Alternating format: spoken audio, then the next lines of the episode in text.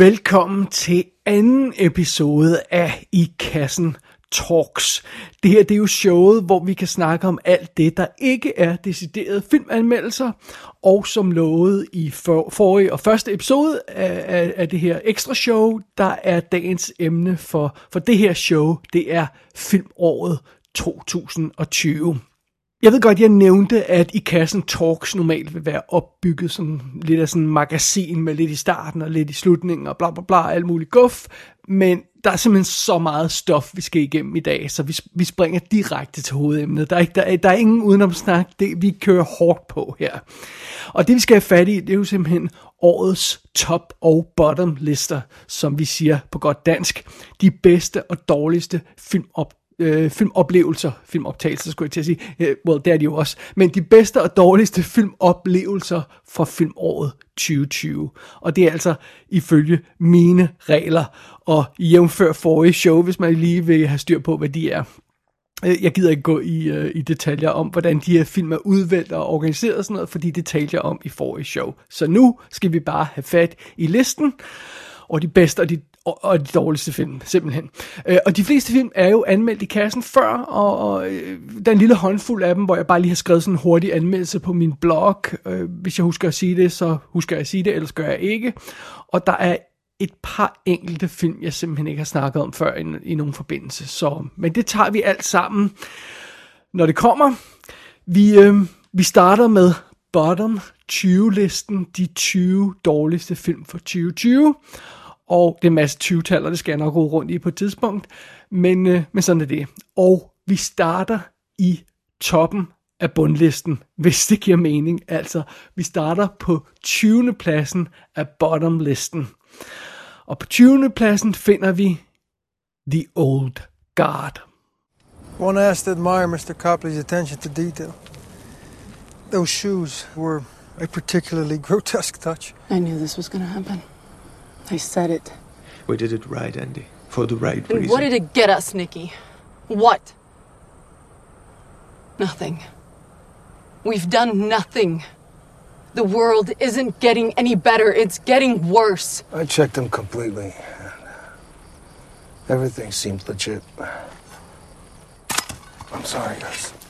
They know who we are, they know what we are. We have to find Copley. We have to tie this thing off. And then what? And then nothing. The world can burn for all I care. Old Guard er jo den her fine Netflix-film, højt øh, promoveret Charles, Char, Charles Theron, hvordan man skal sige det, har hovedrollen, og hun spiller øh, lederen af et team af udødelige legesoldater, og, der, og der, det er altså meget fint. Der, der er sådan lidt déjà vu over filmen, lidt, lidt, det er sådan lidt vampyrfilm-agtigt, det er lidt Highlander-agtigt, og øh, den virkede bare ikke. Det var simpelthen for velkendt actionfilm, og det, var- den var for uambitiøs, og så var den bare mega nederen. Det var sådan en bomberfilm at sidde og se. det var slet ikke spor sjovt. Og jeg, jeg elsker jo actionfilm, og, og jeg elsker actionfilm med kvindelige helte, men de skal altså stadig være gode. Vi, vi, vi, vi vil ikke spises af med hvad som helst. Og det føles lidt som om Old Guard var sådan. Oh well, lad os gå videre i listen. På 19. pladsen over de 20 dårligste film for 2020, der har vi Artemis Fowl. A human and a fairy met right outside Just tell of me when you're leaving.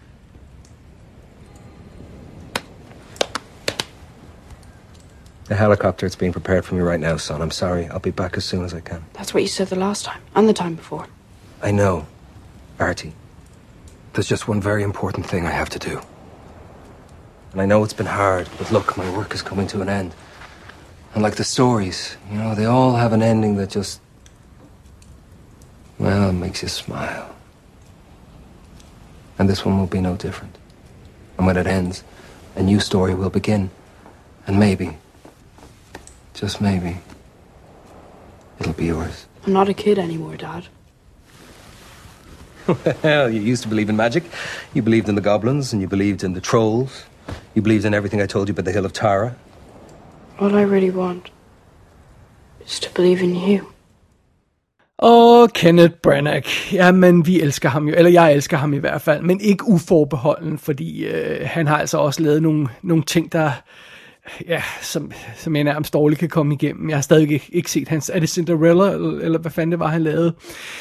Så øh, nej, Artemis Fowl fungerede heller ikke. Øh, knægten i hovedrollen var en røv, for at sige livet. Altså, øh, og, øh, og, og igen, det her med hele plottet i den her film øh, øh, handler om at finde en dems. I'm sorry, det har vi altså været 15 Marvel-film, der handler om allerede. Vi behøver ikke flere. Og, øh, og så var det det her underlige med, at den her kæmpe, relativt big budget film, den alligevel udspiller sig i et hus, sådan i halvdelen af tiden, hvor altså, det, det virker sådan underligt øh, uambitiøs og lille, øh, øh, den måde, som man har sat Artemis Fowl op på. Og egentlig var det jo meningen, at det skulle have været sådan den næste store Harry Potter franchise. Øh, men så var det, at ja, så var det selvfølgelig corona ramte, og så var det, at Disney droppede den på Disney+, Plus, og øh, så pludselig forsvandt alt snak om sequels og alt muligt andet, halløjsa, og det forstår jeg også godt, fordi det føles som et anden rangsprodukt. Det var Artemis Fowl på 19. pladsen. På 18. pladsen har vi en film, jeg ikke har fået anmeldt her i kassen, men jeg har skrevet kort om den på bloggen. Det er Charlie's Angels. You have a new client? Who is she? I can't sleep at night. I'm the lead programmer on a product that can revolutionize the power industry, but there is a possibility it can be weaponized. Elena, we need to go. Now! You're not a waitress? No, I'm Jane. Oh.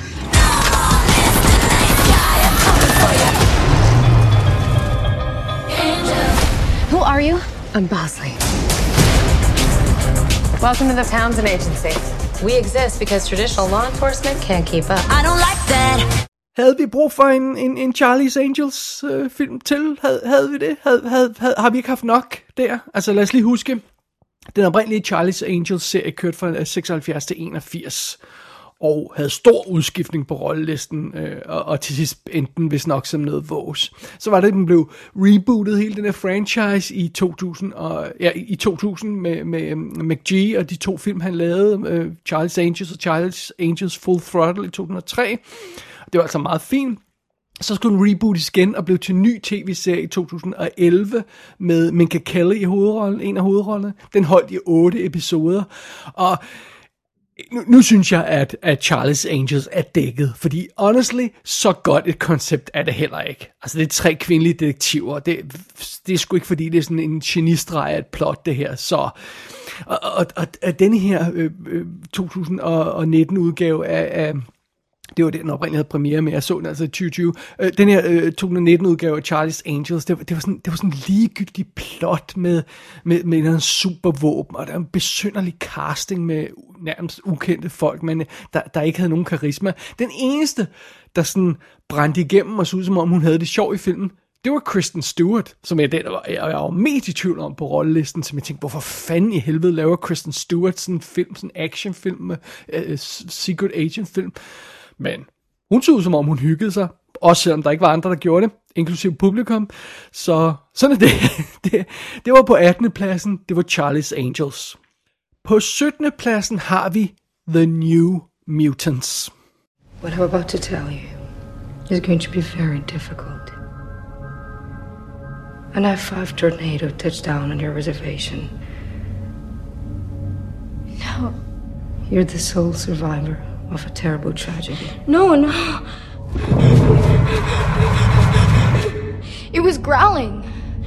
Something was chasing us. What? Som vi også snakkede om i forbindelse med anmeldelsen, så var det her jo en problematisk produktion. Der var sådan tre år om at nå frem til os i sidste ende, og det lyder altså en meget god idé, det her med, at man tager sådan en, en X-Men-film, der fokuserer på teenagerne, fordi vi ved, der er en skole, og man får de her mutanter ind i en ung alder. Det giver altså en god mening.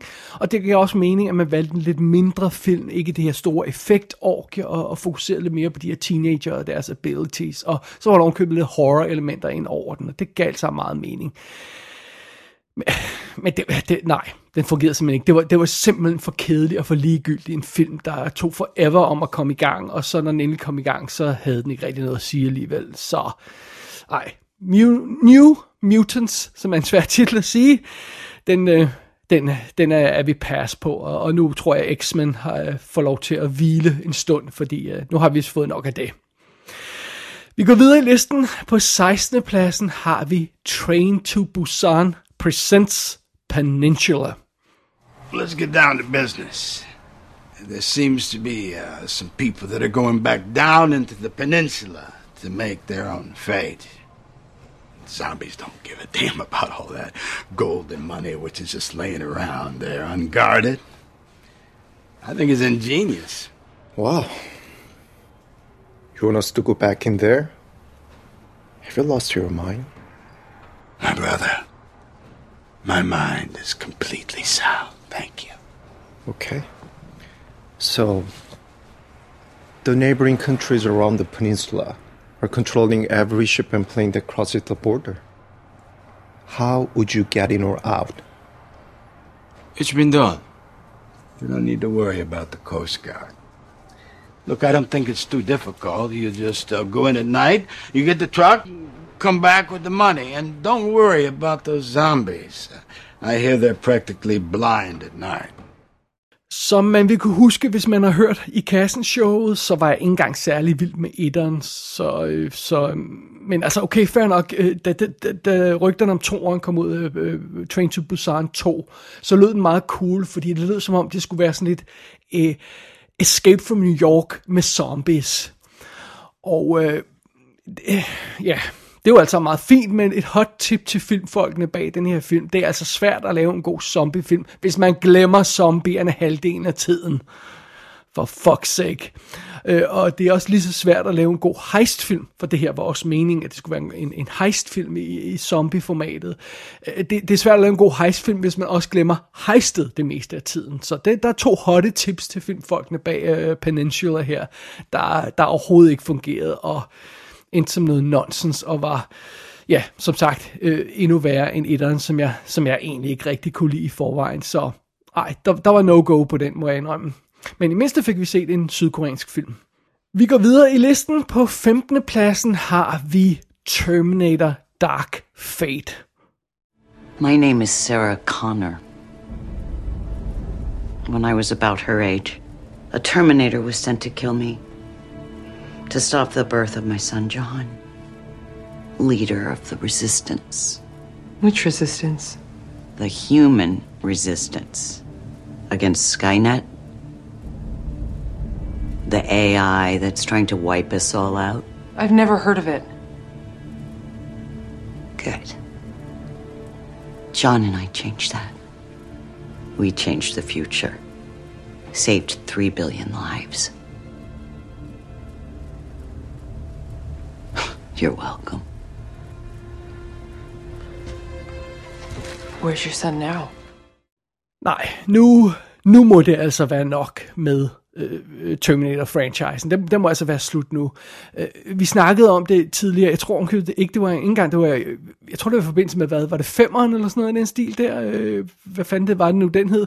Der snakkede vi om det der med, at faktisk er Terminator 2 allerede problematisk. Altså, den skal jo nærmest stå på hovedet for at fungere, for at give mening, fordi et eller andet sted, så er det jo bygget ind i Terminator-konceptet, at der faktisk kun skulle være én film, fordi det er sådan en historie. Ligesom Highlander, der skulle også kun være én Highlander. Det gik ikke mening at lave en Highlander 2. Uh, there can be only one, siger de rent faktisk i Highlander-film. Det gør de ikke i Terminator, men det er stadig samme uh, uh koncept. Der burde ikke have været lavet flere. Nu elsker vi selvfølgelig alle sammen toren. Jeg elsker, hvis nok som den eneste også træeren. Men 4, 5 og 6, nej, det må være slut nu. Og jeg forstår heller ikke, hvorfor James Cameron lagde sit navn til sådan en ligegyldig film. Det havde han jo ikke behøvet. Øh, det, fun fact, eller det ved jeg ikke, om man ved, men, men James Cameron ejer ikke rettigheden til Terminator-franchisen, så han kunne i princippet bare læne sig tilbage og så sige, ja, I kan bare lave jeres skodfilm og blande, øh, blande mig udenom. Men en eller anden grund lagde han sit navn til denne her film. Den her sexer, øh, Dark Fate. Og det, ja, den virkede ikke. Den var kedelig, den var uinspireret, den var totalt ligegyldig. Alt, alt ved den her film var ligegyldig. Og så var det her underlige reboot, retcon, rehash, hvad fanden man ellers kalder det nu om dagen. Jeg fatter ikke, hvorfor man laver sådan en film som, som Terminator Dark Fate. Det gør jeg altså ikke. I det mindste fik man Linda Hamilton med igen, og det var faktisk super cool, men hun havde ærligt talt fortjent at være med i en bedre film, og, og, og vi havde også fortjent, at hun var med i en bedre film, så nej. Også no-go på Terminator 6. Det bringer os videre til 14. pladsen på bottom-listen for 2020, og her finder vi Spike Lee's The Five Bloods. Mr. DeRoche, our platoon was ordered to find a C 47 CIA plane that went down with the payroll for the native people, the Lahu. Now, they didn't want to be paid in paper currency, so Uncle Sam was paying them in gold bars for their help against the VC. Well, we found the gold. We bury it. For now. They asked, we say the VC got it. They don't. We come back and collect. You mean rip it off? We ain't ripping off shit. Who feel like they're ripping something off? We was the very first people that died for this red, white, and blue. Yeah, that's right. It was a soul brother. Christopher Addicts at the motherfucking Boston Massacre. We've been dying for this country from the very get, hoping one day they'd give us our rightful place. All they give us was a foot up our black asses. But fuck that. I say the USA owe us. We built this bitch. So what you saying? Egentlig synes jeg, det lød som en god idé, det her med, at uh, Spike Lee han instruerer sådan en Vietnam heist krigsfilm, drama, Black Lives Matter film, halløjsa. Men det her manuskript til den her film, øh, The Five Bloods, var simpelthen elendigt, og det er en historie, der strider i alle mulige modstridende retninger, og den centrale mission i, i historien giver simpelthen ikke mening. Det kan simpelthen ikke fysisk lade sig gøre, det de prøver at gøre, og det er en tjusket film. Det er simpelthen det er dårligt håndværk og Delroy Lindo, som garanteret bliver Oscar-nomineret, hvis ikke han ovenkøbet vinder for den her rolle, han, han overspiller simpelthen den her elendige hovedkarakter, han spiller.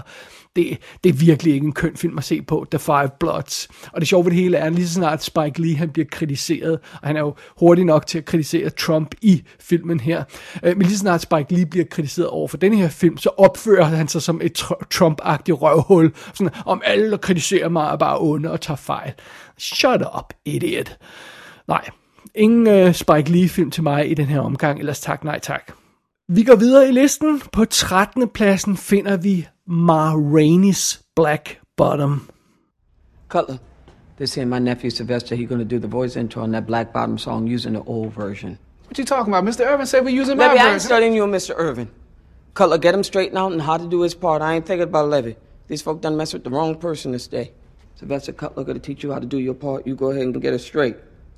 Don't worry about what nobody else say. yeah. Hey, well, come on in, boy. I'm Cutler. That's Toledo, Levy, and Slow Drag over there. Sylvester, huh? Sylvester Brown. I done wrote a version of that song which picks it up and sets it down in the people's lap, and here she come talking this. You don't need that old circus bullshit. I know what I'm talking about. You gonna mess up the song, Cutler, and you know it. I ain't gonna mess up nothing. My say. I don't care what Ma say. Det her er jo altså en af de her film, jeg slet ikke har anmeldt, hverken på bloggen eller i kassen. Hvis man følger mig på Facebook, så har jeg godt nok lige skrevet en lille hurtig øh, øh, notits om den film, der er sådan. Men øh, det er jo Netflix-film, og det er jo Viola Davis og Chadwick Boseman, og det er baseret på et August Wilson øh, teaterstykke, og det skulle alt sammen være meget fint og fornemt. Det skulle være det store Oscar-håb, og ærligt talt, øh, den her film, Ma Rainey's Black Bottom, føles som et kort filmet teaterstykke. Det er lige præcis det, den er, og det er sådan, den føles. Der er nogle gode temaer i historien, men den virker slet ikke. Der, der er de her akavet opstillede taler, som bare kommer ud af ingenting, hvor det, det virker sådan virkelig teateragtigt, og der, der er den her klaustrofobiske følelse over filmen. Den udspiller sig nærmest kun i to rum, og har nærmest kun fem scener i sig. Øh, jeg havde håbet på sådan noget større, noget der fortalte om musikbranchen og sortes musikers vilkår i, i musikbranchen, sådan et større periodebillede, der satte hele den her historie lidt mere i perspektiv, men det var det slet ikke. Det var en lille fnidret film, der virkede enormt stiv i det, og det var en stor, stor skuffelse, den her film, men øh, lur mig, om den ikke alligevel får et hav af Oscar-nomineringer, for der er ikke så forfærdeligt meget at tage i, i, i den her omgang, så ja, vi kommer sikkert til at hive fat i den her film igen på et tidspunkt. Oh well. Videre i listen, på 12. pladsen har vi The Rhythm Section. I lost my family three years ago. It wasn't an accident. There was a bomb on that plane. I need your help to find the ones who did this. I've got nothing to lose. What about your life? What about it? I'm going to say this once. Even if you succeed, it won't be worth it. Det er igen en af de film, jeg ikke har fat i her i kassen. Jeg har anmeldt den ganske kort på bloggen. Basically så er det jo historien om en, en kvinde, der simpelthen øh, får sit liv ødelagt, fordi hun... Øh, hun mister sin familie i et flystyrt, og så finder hun ud af, at det var en, øh, et, et, et terroristangreb, det her flystyrt, og så vil hun have hævn, basically. Så det, det er sådan lidt, øh, for at få hævn, så bliver hun nødt til at træne sig selv i sådan øh, intelligence-arbejde og, og, og, og være sej og sådan noget. Så det, det, det, det, den fremstår lidt som Nikita møder Taken, sådan en hævnhistorie. Og sådan starter den, og det kunne egentlig være blevet en meget god film med, med Blake Lively i centrum, fordi hun er meget cool. Men, øh, men det, øh, The Rhythm Section bliver noget overkompliceret råd med sådan en international spion-thriller, og man har set alt i den før, og det, det er altså ikke særlig spændende, det er det ikke. Og, øh, der er altså en grund til, at den her film den forsvandt uden et spor, og der er altså en grund til, at jeg nærmest dårligt gad at anmelde den, øh, andet end lige at skrive på linjer om den på bloggen, så jo mindre sagt om The Rhythm Section, jo bedre. Jeg vil ikke engang lave en åndssvag joke med, at, at der er ingen rytme i den, fordi øh, den er bare skøjet. Så det. Vi går videre til 11. pladsen på bottomlisten over de dårligste filmoplevelser i 2020, og på 11. pladsen finder vi Bloodshot.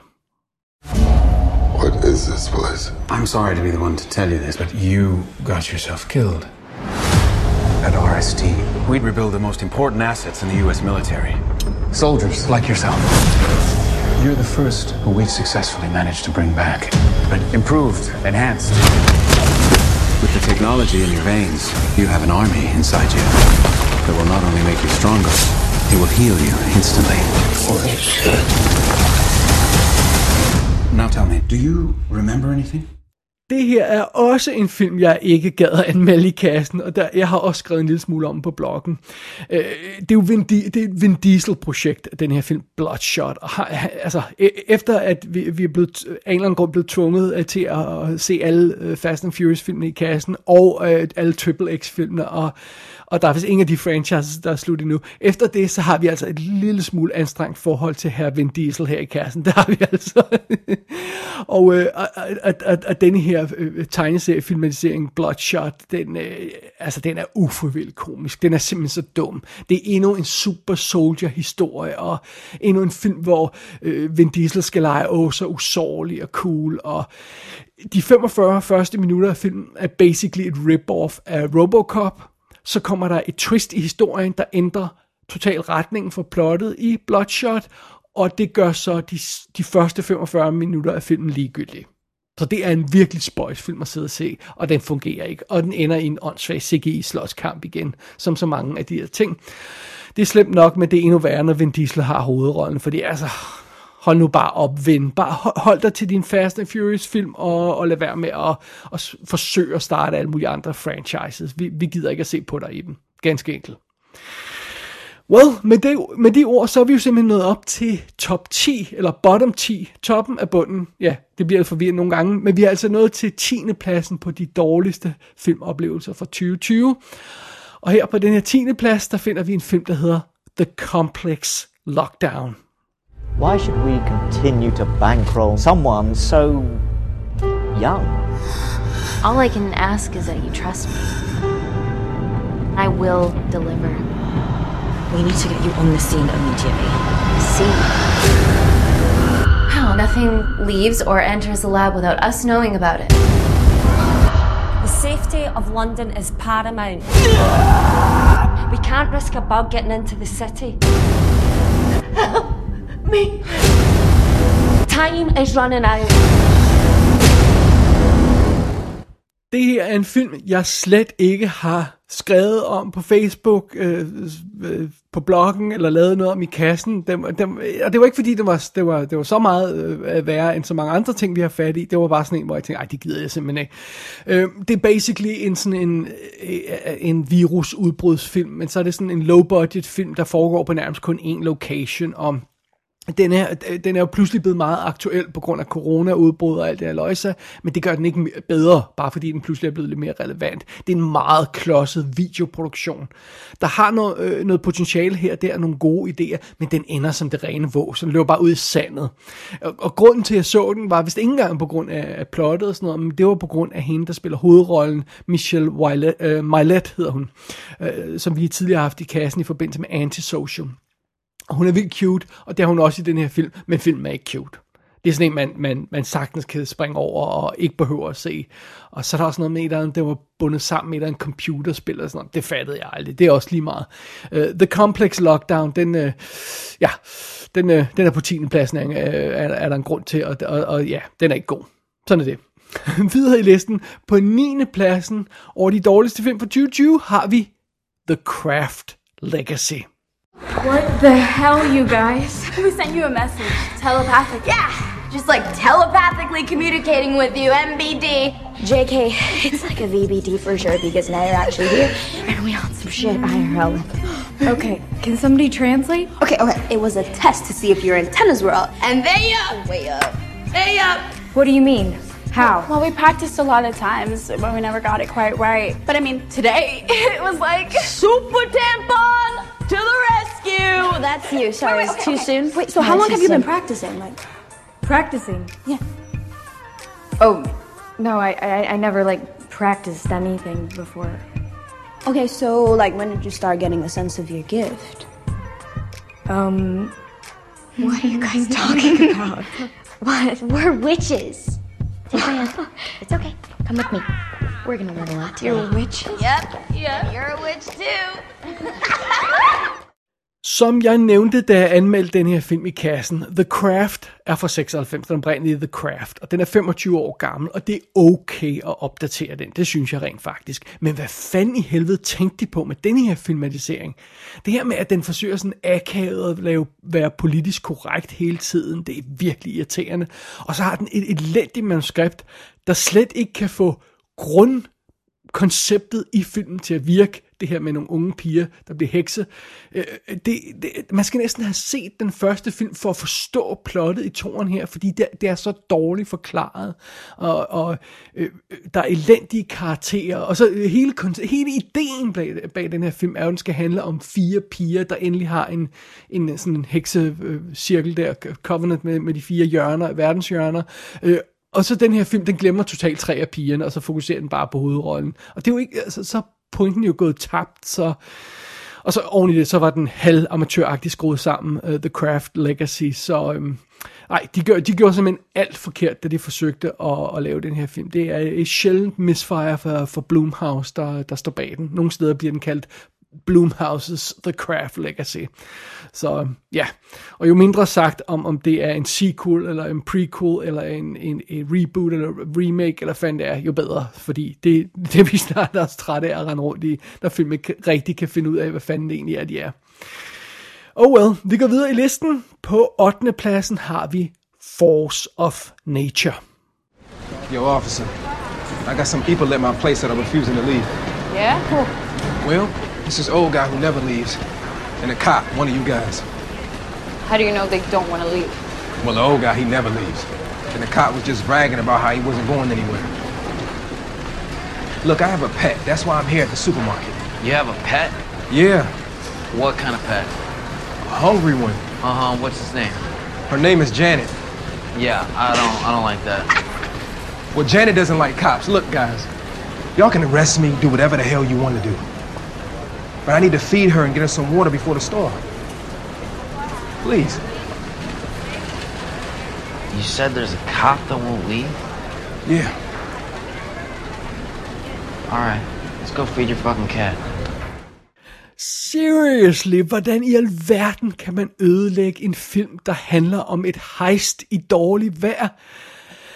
Altså, folkene bag den her film, Force of Nature, har åbenlyst ikke set uh, Hurricane Heist, fordi uh, det var jo et mesterværk, og hvis de havde set den, så ville de vide, hvordan man skulle lave sådan en film her.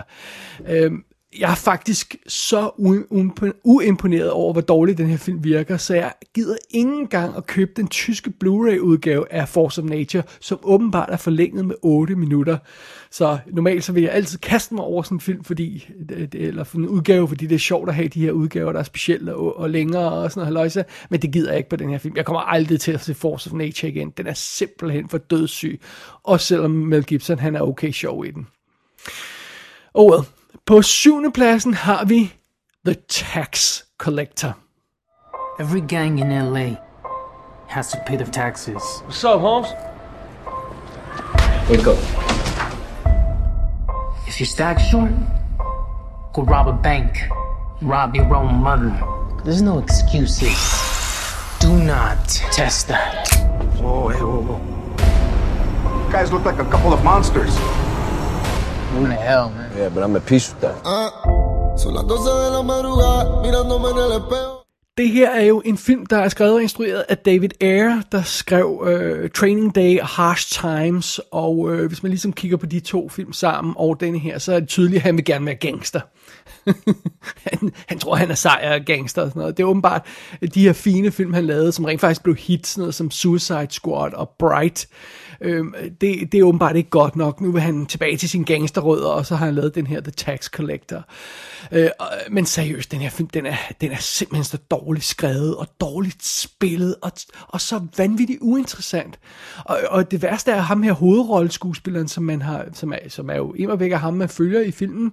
Øh, han, han er simpelthen så gabende, kedelig og ukarismatisk. Jeg ved ikke, hvorfor fanden man, han, han har David Ayer har hyret ham til hovedrollen. Jeg forstår det simpelthen ikke. Han er så ligegyldig.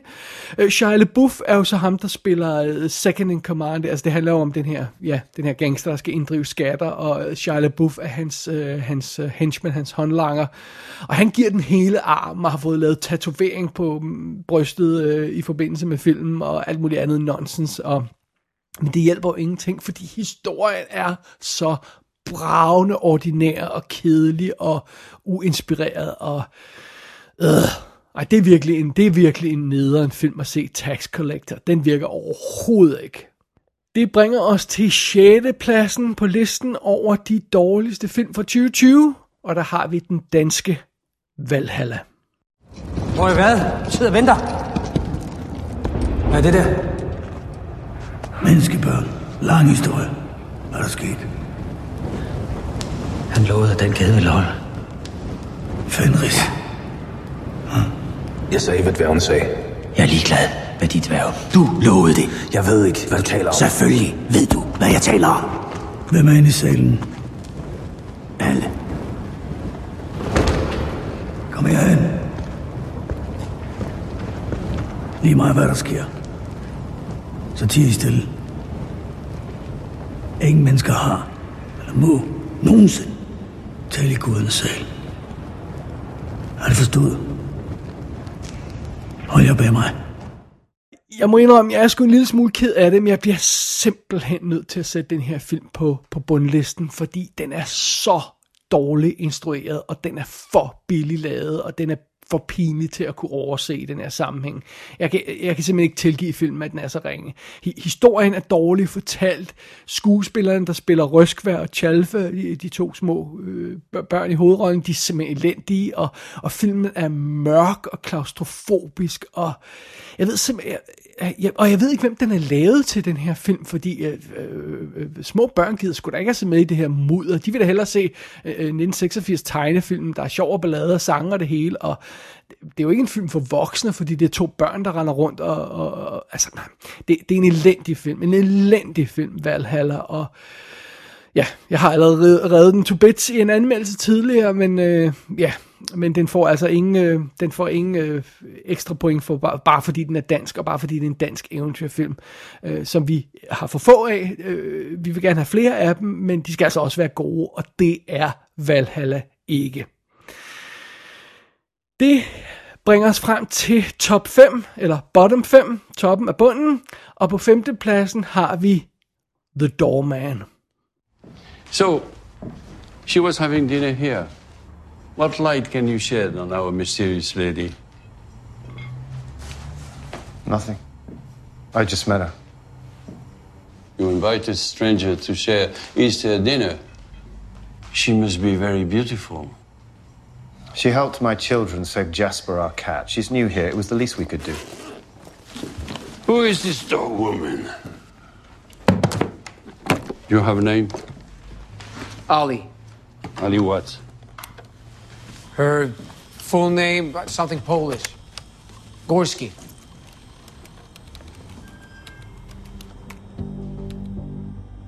Oh, incroyable. What? Gunnery Sergeant Alexandra Gorski of the Marine Security Guard Brigade received the Silver Star for her actions on October 15, 2019, during a terrorist ambush on the ambassador's convoy in Bucharest, Romania.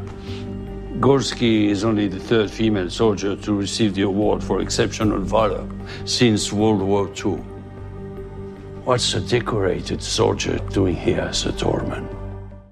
Hvad i al verden gik der galt for instruktøren Rui Kitamura, eller hvordan man nu siger hans navn. Altså, fordi vi, han, lavede, han startede med at lave de her cool film, Versus og Asumi.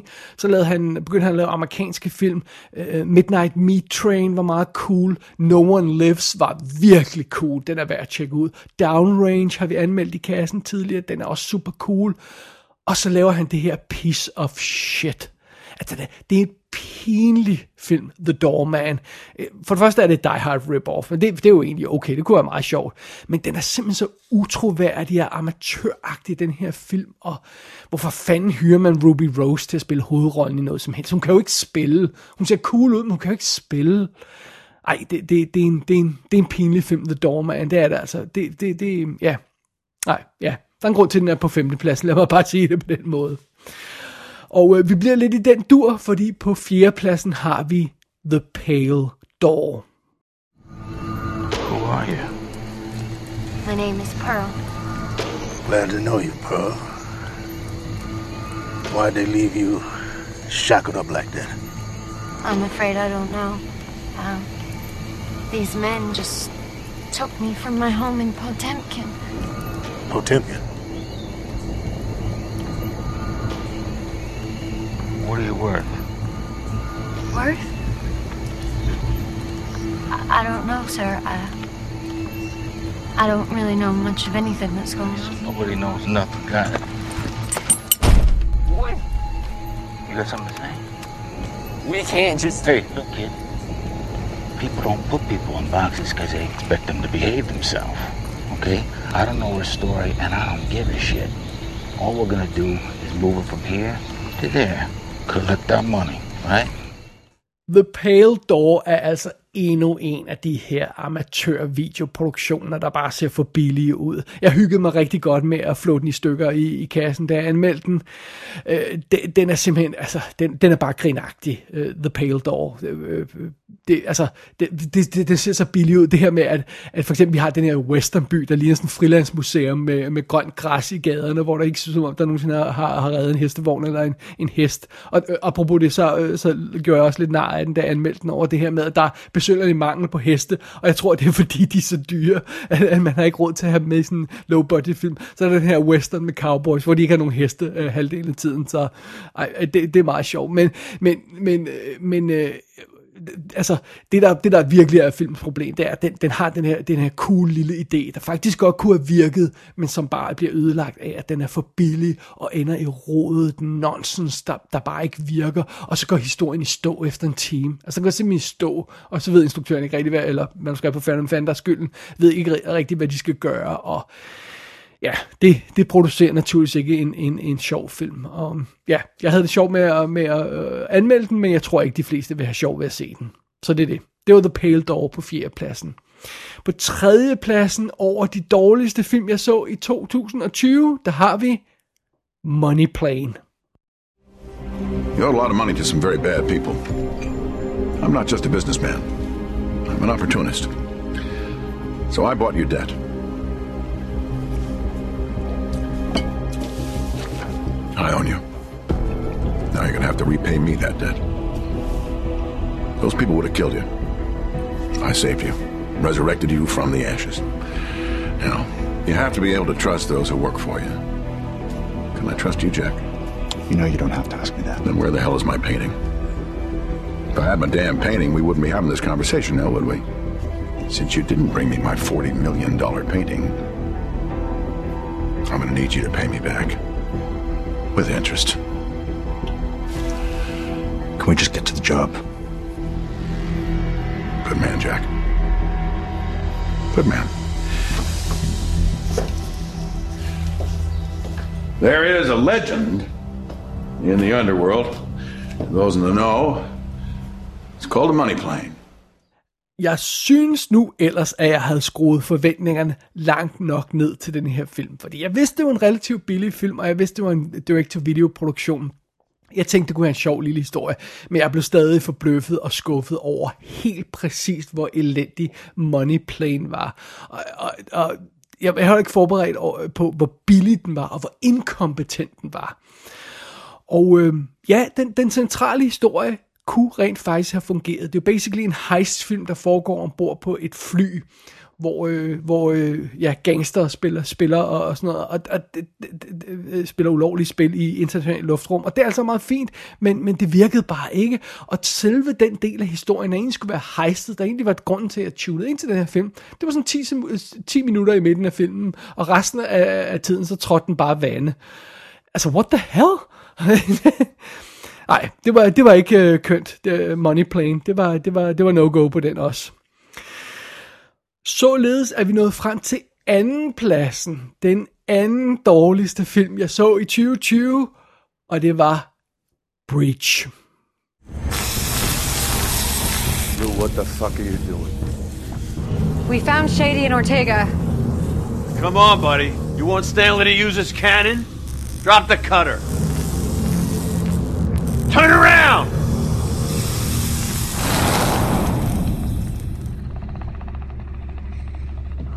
Fuck, what happened to him? I'm ordering you to lay down your weapon. Put your weapon down and surrender. It's your final warning. Lay down your fucking weapon! Yeah, I don't think he's gonna listen. God damn it, Blue. He's gonna kill you.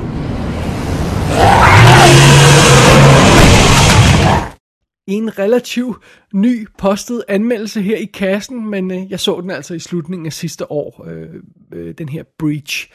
Og vi, vi har jo haft fat i billige øh, Bruce Willis film her i kassen før, det er altså meget fint, men øh, øh, det her, de her film, hvor han dukker op i en dag, og så griner vi lidt af det. Men, men altså, denne her film, wow, den slog altså alligevel godt nok de andre film med flere længder. Det, det, det er godt nok en elendig instrueret, øh, grinagtig film, Breach. Der er sådan, der er inkompetent helt inde i sjælen. det, det er vanvittigt imponerende, hvor gennemført elendig den her film er. Og øh, det er simpelthen, det, det, er, det er rigtig dårlig filmkunst, det her. Og det leder os til førstepladsen, som er en helt anden slags dårlig film. Førstepladsen på bottomlisten, den dårligste film, jeg så i 2020. Jamen altså, det kan jo kun være Cats. Practical cats, dramatical cats, pragmatical cats, fanatical cats, oratorical cats, Delphicorical cats, skeptical cats, dyspeptical cats, romantical cats, pedantical cats, critical cats, parasitical cats, allegorical cats, metaphorical cats, statistical cats, and mystical cats. political cats, hypocritical cats, clerical cats, hysterical cats, cynical cats, rabbinical cats, and magical cats.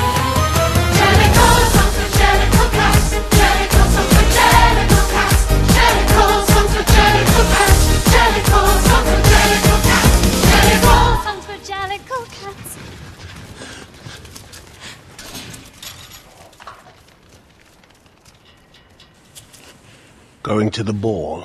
I wouldn't if I were you. Could get dangerous. Amen, altså, hvordan, hvordan kunne noget som helst andet havne på førstepladsen over de dårligste film i 2020? Hvordan, hvordan, altså, det er selvfølgelig er det Cats. og det sjove ved det hele, da jeg så Cats, så kendte jeg faktisk ikke Cats musicalen inden, så jeg blev dybt chokeret over, hvor bundhammeren elendig den musical og den historie er, og de sange er i filmen. Øh, så det chokerede mig, det, det var allerede slemt, og hvis bare øh, filmen havde, havde lavet en færre repræsentation af, af, af musicalen og teaterstykket der, så havde den stadig været dårlig. Oven i det, så får vi altså en, øh, den filmiske touch, der bliver lagt ud over Cats, der er helt håbløs. For det første, Toby Hooper burde have stoppet en hvidvinkeloptik op i måsen, og den burde sidde der, indtil han holder op med at bruge den slags optikker, fordi han kan, det er så irriterende, den måde, han skyder på, Toby Hooper. Øh, Toby Hooper, kalder ham det? Tom Hooper hedder han, sorry. Toby Hooper, han er død, han skal vi ikke svine til. Øh, øh, Tom Hooper, han kan simpelthen ikke finde ud af at bruge vidvinkeloptikker, og det er så irriterende, det er så grimt at se. Hans film er så grimme at se på. Oven i det, så har Catch jo altså de her fascinerende, håbløse CGI-katte-mennesker, der bare er Uncanny Valley, the movie. Jeg, jeg forstår slet ikke, hvordan nogen kunne se på det her projekt og tro, at det ville virke. Allerede når man fik de første optagelser ind ad døren, burde man have kunne se, at det her var en, en håbløs film. Altså, Jamen, det, det, den er forfærdelig kast, den er, for, kats, den er forfærdelig fra ende til anden. Jeg tror hellere, jeg vil skifte 100 kattebakker i træk, end jeg vil se den her film igen. Så elendig er den, og derfor er den på førstepladsen over de dårligste film fra sidste år. Tag den. Puha. Og ja, jeg tror, jeg skal have lidt, uh, lidt, lidt at drikke og, og, og tage en lille slapper her, fordi uh, det var alligevel hårdt at komme igennem de, de her 20 dårligste film. Men nu har vi gjort det, og nu er det tid til at nå til de gode film. Vi skal have fat i toppen af poppen. Top 20 for 2020. You both know what's at stake here. We cannot afford to lose that list. Inden vi går i gang med min top 20 liste for 2020, så vil jeg lige komme med en lille bemærkning, som jeg sådan øh, gik op for mig, da jeg sådan kiggede ud over, hvad jeg havde set i løbet af året. Øh, der er ikke særlig mange sådan store, vigtige, dybe film på min lister, synes jeg sådan generelt, hverken på top eller bottom listen. Og jeg synes, jeg kunne mærke på mig selv i løbet af 2020, at jeg ikke havde lyst til at se nogle, øh, mange af de der store, tunge film. At jeg gik efter noget, der var lidt sjovere. Jeg gik efter noget, der var lidt lettere. Og det tror jeg, at de fleste vil tilgive mig, fordi 2020 var et lidt specielt år, og der, vi blev alle sammen sat lidt på prøve på mange planer. Og det reflekterer jo også i det, det, det valg af film, man laver i løbet af året. Nogle gange havde jeg simpelthen bare ikke magtede jeg bare ikke at se noget, der var stort og tungt, og hvor jeg skulle tage stilling til store temaer. Jeg havde bare lyst til at se noget, der var sjovt, og noget, der var hurtigt og, og, og, og fun. Og nogle gange er det også bare en fun, dårlig film. Det kan også være fedt at se, men det her med de her store, tunge dramaer. Så der er muligvis en masse film, fra, fra, som, som havner på andre 2020-lister, som jeg, som jeg simpelthen ikke har fået set, fordi jeg bare ikke orkede det. Sådan er det. Det er ingen undskyldning, det er bare en forklaring, fordi sådan var det bare. Så, så, det, så det er det. Og øh, de film løber ingen steder, dem kan man altid øh, samle op på senere, så so be it. Men videre til listen. Vi starter i bunden af toppen med 20. pladsen. Her finder vi Detectives. Kate, can you tell Bob that we're on page... Keep going, goddammit! Stop wrecking the scene! April, what are you... Put, put Kate on! New bitch in charge, gringo. What? First thing, no mess with your socked script. We're gonna spice things up. Wait, stop messing around. I'll deal with you later, puta. Now man up! Bob's gonna bring it. Wow, for the record, I'm seriously turned on. Damn it! Stop breaking characters! You know what? We're going to radio silent from now on. No more sabotaging my show. Your show? April? Kate? Javier? This is mutiny. Guys, listen, if we're not on the same page. We're not. Help the Sanchez brothers. Kate? Please get back in the booth. No, don't expect me to be a part of this anymore. At least take that off if you're going to yell.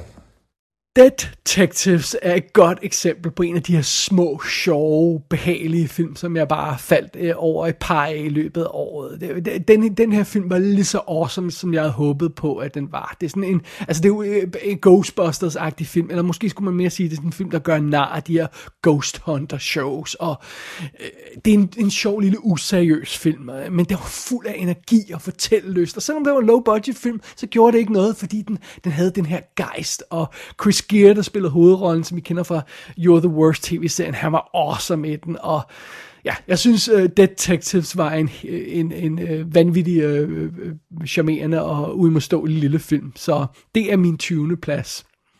På 19. pladsen over de bedste film for 2020, der finder vi The Witch Part 1, The Subversion. Ah!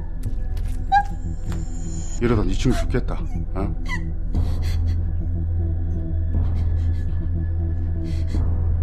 아니라니까.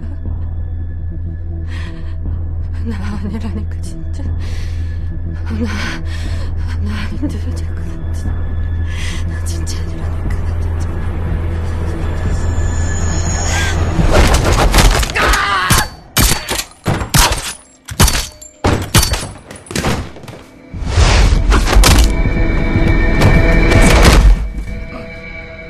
아니랬지. 아니라고. 아니라고.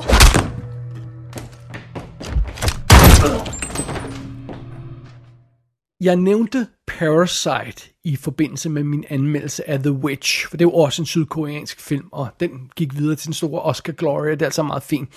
Øh, men jeg nævnte også, altså den er hverken at finde på min top eller bottom liste, uh, øh, Parasite, fordi jeg kan godt se, at det er et mesterværk på nogle planer, men jeg brød mig ikke om den. Det er simpelthen ikke min smag, den film. Jeg, jeg, jeg, sådan er det. Den her film er meget mere min speed, og specielt i 2020, øh, vil jeg godt indrømme. Øh, det var jo simpelthen en, en historie om en ung pige, der gik på øh, national, øh, som havde, havde taget hukommelsestab, og så gik hun på National TV og deltog i sådan en øh, talentkonkurrence. Og så var der pludselig folk, der opdagede, at hun var stukket af fra en anden anstalt og, var, øh, og havde alle mulige specielle evner, og, og så gik filmen amok. Og, og det var sådan en cool film, The Witch, fordi den gav sig god tid til at sætte sin historie op, og så, når det var sat op, så gik den bare amok i action og blodsprøjt og sådan noget. Og det var, sådan, det var lige det, var humør til den dag, tror jeg. Øh, det er en lille smule synd, at det kun er chapter 1 af historien. Det er derfor, den hedder The Witch Part 1. Øh, og jeg var lidt i tvivl om, da jeg optog anmeldelsen, om, om der ville komme en part 2. Men, men hvad jeg kan læse på nettet, så ser det ud som om, at man er gået i gang med optagelsen til en del 2. Naturligvis har øh, Rona jo gjort det øh, mere besværligt at, at lave film i, i, i øjeblikket, og og der er alle mulige komplikationer og udskydelser af filmprojekter, og åbenbart så har man også recastet hovedrollen øh, i, i Witch 2, fordi hende, der spiller hovedrollen i etteren, hun er blevet kæmpe stjerne, eller sådan noget, en stil der. Så ja, jeg ved ikke rigtig, hvad status er på den, men, men den skal forhåbentlig nok komme. Måske kommer den i 2021, hvem ved. Men øh, under omstændigheder, The Witch Part 1, den kunne jeg skide godt lide. Det var, det var en god filmoplevelse. Det leder os videre til 18. pladsen, og på 18. pladsen, der finder vi A Perfect Plan. Now listen up, kids. If you want to know what's going on, take a good look around you. We're all players, experts in our field. Get to the point. You want to know the point, big guy? The point is, we're all career criminals. And this is a four man crew. The mechanic, rough, brawny. And you, dear lady, graceful, nimble. You're the B&E specialist. We called them cat burglars back in my day. And that leaves you, slick-fingered devil, the safe cracker. What does that make you, smart guy? I guess that makes me the smart guy. So, anybody figure out what we're supposed to steal yet? Hvis man er fast lytter af showet i kassen, så ved man, at jeg elsker heistfilm, og det her var jo en heistfilm. Og jeg ved godt, det er en lille low-budget ting, og øh, direct-to-video og alt det her løjser, men igen, jeg kunne ikke stå for den. Det, det, det, det, altså, øh, øh A Perfect Plan havde et godt koncept, og det holdt hele vejen, og den havde nogle sympatiske karakterer og en gode low-budget løsninger, der gjorde, at man ikke mærkede så meget, hvor billig den var. Og øh, hvis, når det er tilfældet, altså det her med, specielt det her med, at den har et godt koncept, der holder, jamen, så kan jeg godt tilgive en film, at den er low-budget og direct-to-video-agtig, og ikke ligner en milliard. Og det var tilfældet med A Perfect Plan. Den, øh, den skal jeg gense snart igen, fordi jeg har ikke fået øh, haft tid til at gense den, men, men det, det, var, det, var, det var en god lille solid filmoplevelse i 2020. A Perfect Plan på 18. pladsen. På 17. pladsen har vi James versus his future self. Hey, when did we learn to bake? Oh, about the same time we learn sewing, gardening, how to build an off-the-grid sewage system. See, th- th- that's amazing to me. Wait, you want me to give all that up? Yeah, well, we are forced to learn all that because we have to live in isolation and rely on our survival skills, which, by the way, you don't fucking have. What else? What else? Come on, I'm all ears. Tell me more. Look,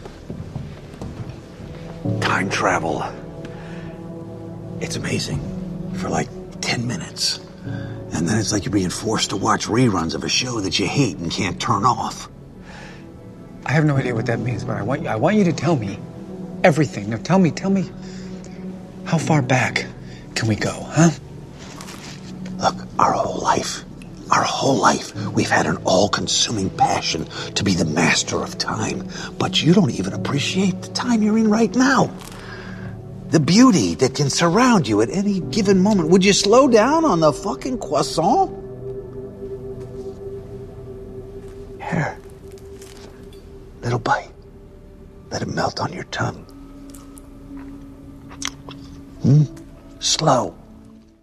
Ah, Jamen, det var jo også en fantastisk lille film at falde over. Der ikke var nær så low budget, som jeg egentlig troede, den ville være, da jeg høvde fat i den. Men øh, det er bare fordi, den er, den er vist kanadisk, sådan er gået sådan lidt under the radar. Men konceptet var jo simpelt. Det var det her med den her geniale forsker, der, der er ved at opfinde time travel. Og så pludselig så kommer hans, han, den gamle udgave af ham selv fra fremtiden tilbage og siger, lad være med at opfinde time travel for alt i verden. Øh, et super fedt koncept, og det var virkelig godt udnyttet. Men faktisk, så det der overraskede mig mest ved James versus his future self, det var det her med, at jeg troede, jeg skulle se en lille smule lalleglad film.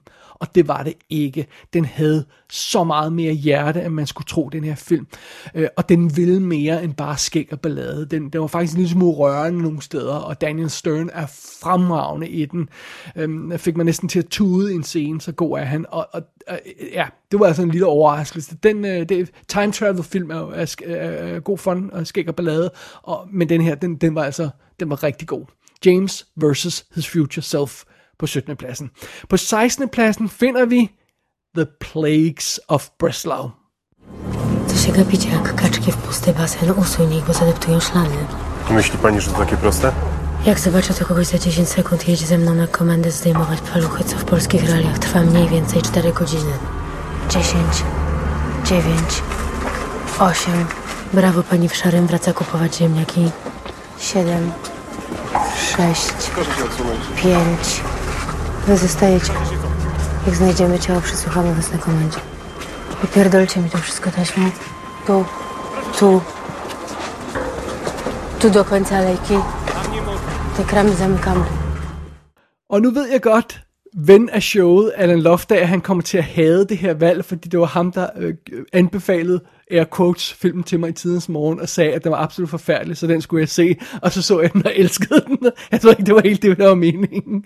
Men øh, det er jo simpelthen basically, det er jo en polsk film, The Plagues of Breslau. Den ligger på Netflix, og det er simpelthen et rip-off af Seven på en eller anden plan. Altså en, en seriemor, der er i gang med en skummel plan, og, og øh, den er simpelthen fuld af latterlige momenter, og Øh, øh, men who cares, fordi hende, hende, der har hovedrollen, som er en eller anden polskuespiller, øh, What's Her Face, hun er super cool, og, og så føles den her film anderledes end amerikanske film. Og jeg ved, jeg, jeg ved godt, jeg ser for få ikke-amerikanske film, så det skulle meget rart at få et indspark fra Polen i, i den her forbindelse. Det var så det, øh, Plagues of Breslau leverede, og jeg kan godt nok ikke finde ud af at finde, få, få den bestilt hjem på Blu-ray. Den er vist nok ude i Polen. Der er vist ikke den engelske undertekster på. Så, så, men indtil videre, så må man se den på Netflix. Det går nok alt sammen.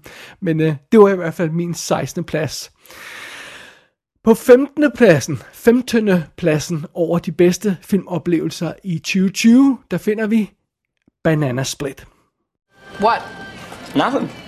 Just the first time I get to see you guys in action. And? And I feel like a traitor. Oh, you're blowing this out of proportion. No. Yeah, maybe we measure proportions differently, you and I. And Nick. Are you gonna tell him? Hmm? Are you a rat, Benjamin? Yeah, cheese eating rat. Do you wanna know what happens to rats? They get their toes cut off. They get shanked in their sleep. They get their carbon monoxide detectors disabled. They get their sunscreen stolen, you ginger fuck. There it is. You guys are perfect for each other, you know that? Seriøst, hvorfor er den her film ikke ude på Blu-ray endnu? Jeg vil have den. Jeg vil have den i min hånd og på min hylde. Um, men altså, jeg kunne slet ikke stå for den her lille charmer af en film. Banana Split. Og, og det, det, det, det, altså, jeg elsker også film, der har et simpelt pitch. Og pitchet i den her film var jo en, en, en pige, der slår op med sin kæreste. Så får han en ny kæreste, og de to øh, piger bliver venner. Og det skal fyren jo ikke vide noget om. Og kan man være ven med sin ekses nye kæreste og alt det her løjse. Og det var en super charmerende film, og øh, Hannah Marks, der spiller hovedrollen som, som pigen, der bliver dumpet i starten, hun er, hun, er, hun er cute, og hun er sej, og hun er, hun er rørende, og det er alt sammen fint. Og så har hun selv skrevet manuskriptet, og nu er hun i gang med at instruere film, og der kommer film af hende.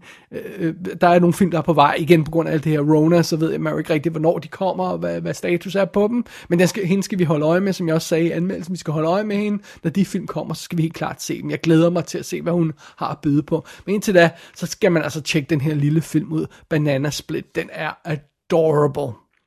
Det bringer os til 14. pladsen, som har en film, der er lidt øh, i samme kategori, tror jeg godt, vi kan sige. På 14. pladsen finder vi Spontaneous.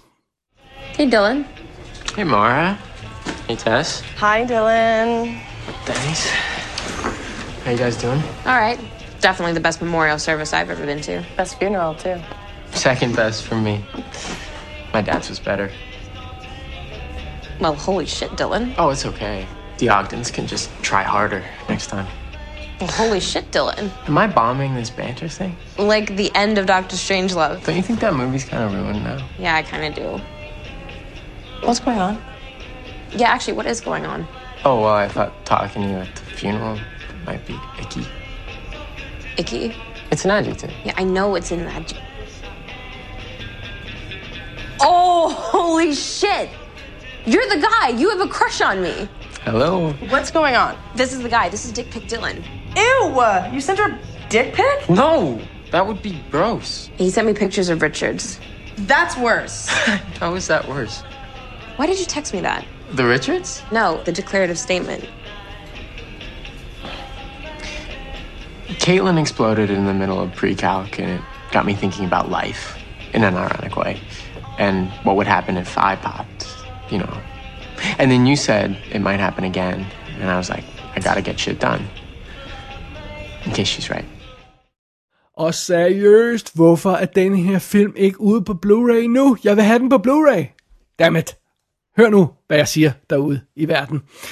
Øh, øh, Spontaneous er lidt, øh, falder lidt i samme kategori som Banana Split, fordi det er simpelthen, det, det er igen sådan en teen-orienteret film, og lidt love story, og så har den det her episke lille koncept. Konceptet for den her film, det er jo simpelthen bare, hvad nu hvis teenager i en skole begyndte at eksplodere? altså sådan pff, i, en, i, i en sky af blod og halløjse. ikke på sådan en metaforisk plan. Nej, de springer i virkeligheden øh, i luften, og, og det er et super sjovt koncept, og det bliver jo så brugt til at fortælle en love story med, med, med den her pige og den her fyr, der bliver forelsket, velvidende, at en af dem måske kunne springe i luften, hvad øjeblik det skal være, og de lever på en lån tid, og der er sådan, der er sådan sjove perspektiver i det, at det er teenager, der falder, øh, bliver forelsket på den her måde, velvidende, at de kan dø, og, og sådan noget, og, og det her par i centrum, de er simpelthen så nuser, og det, det er en virkelig rørende, og, og faktisk lidt hård film, når det kommer til stykket, fordi de her dødsfald undervejs, det er meget sjovt, når folk springer i luften, men på et eller andet tidspunkt, så begynder det altså også at blive lidt chokerende.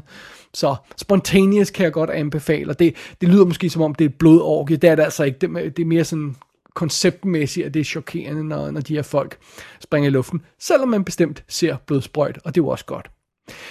På 13. pladsen har vi en helt anden film, en helt anden stil. Der har vi Rabbit. Is, is the case still open? Yeah, the case is still open.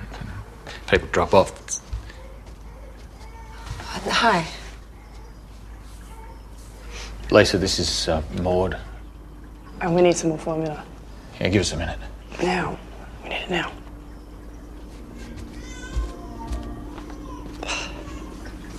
Um, I, I should go. Why did you come here?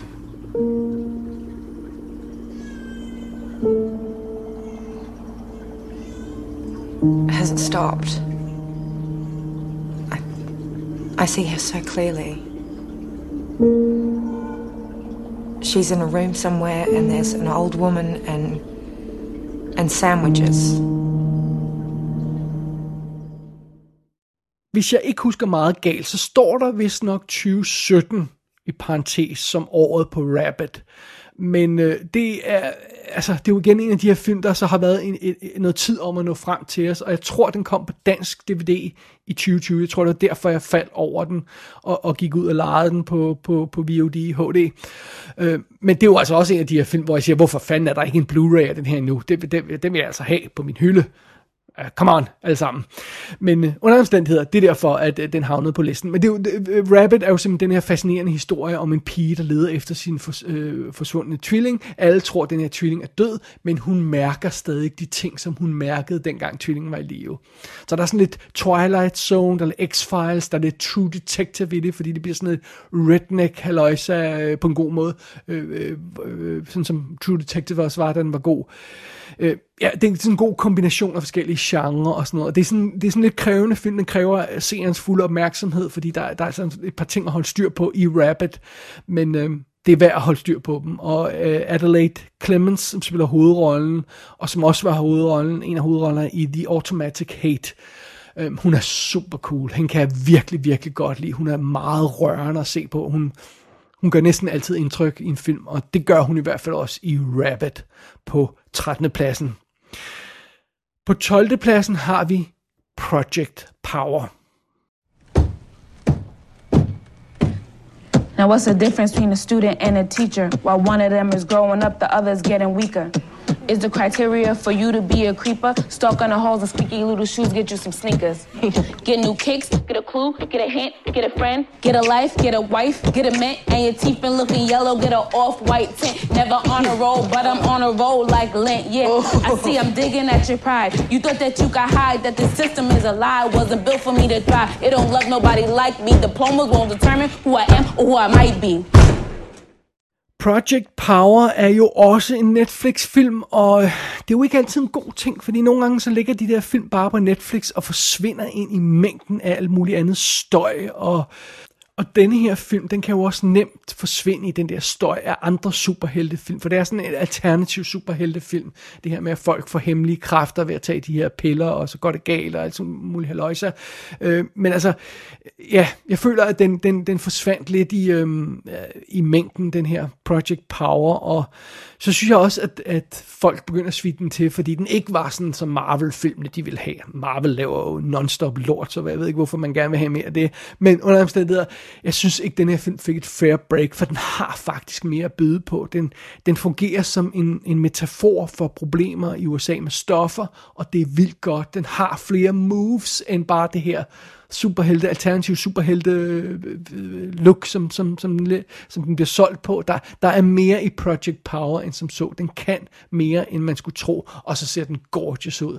Så det er faktisk en anbefaling. Og igen, den ligger stadig på Netflix, så det er bare lige at klikke og se den. Det, øh, det er altså værd at prøve på. Vi nærmer os top 10, men først skal vi lige have på 11. pladsen. 11. pladsen, den 11. bedste film, jeg så i 2020, der har vi Sea Fever. If any of us is infected, then. Then we'll be better off in hospital. Freya, wait. You know Christmas Island? What? It has the world's biggest population of red crabs. It used to. So? So, a few yellow ants arrived and they blinded the red crabs. Just a few ants. Now there aren't any more red crabs. Do you see what I mean? Yeah. The crab should have gone to hospital. This is what I do. Faunal behaviour Yes, in a lab. But this is the real world. With real people. And in the real world, if we go ashore and one of us is a carrier, then those things will spread really fast. Sudi is my responsibility. And he is bleeding to death and dirty. We can't just think about Sudi. I am not losing one more crew member. Jeg kan ikke huske om, da jeg anmeldte den her film, om jeg pitchede den på den her måde med, at det var Alien møder Thing på en fiskebåd. Men det er basically det, der. og hvem kan stå for det koncept? Øh, det hedder øh, vi har Hermione Caulfield i hovedrollen. Hun er virkelig sød, hende kan vi godt lide.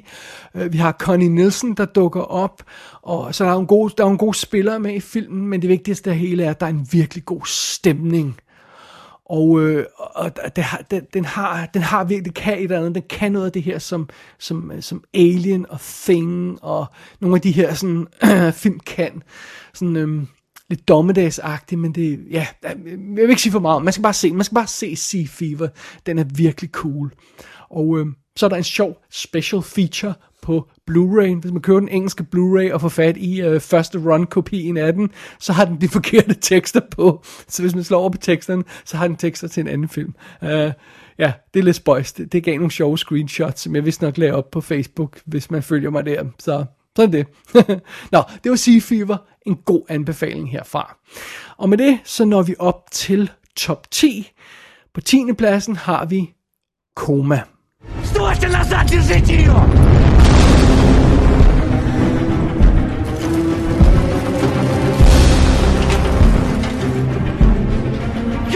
держите ее! Бегом! Ко мне!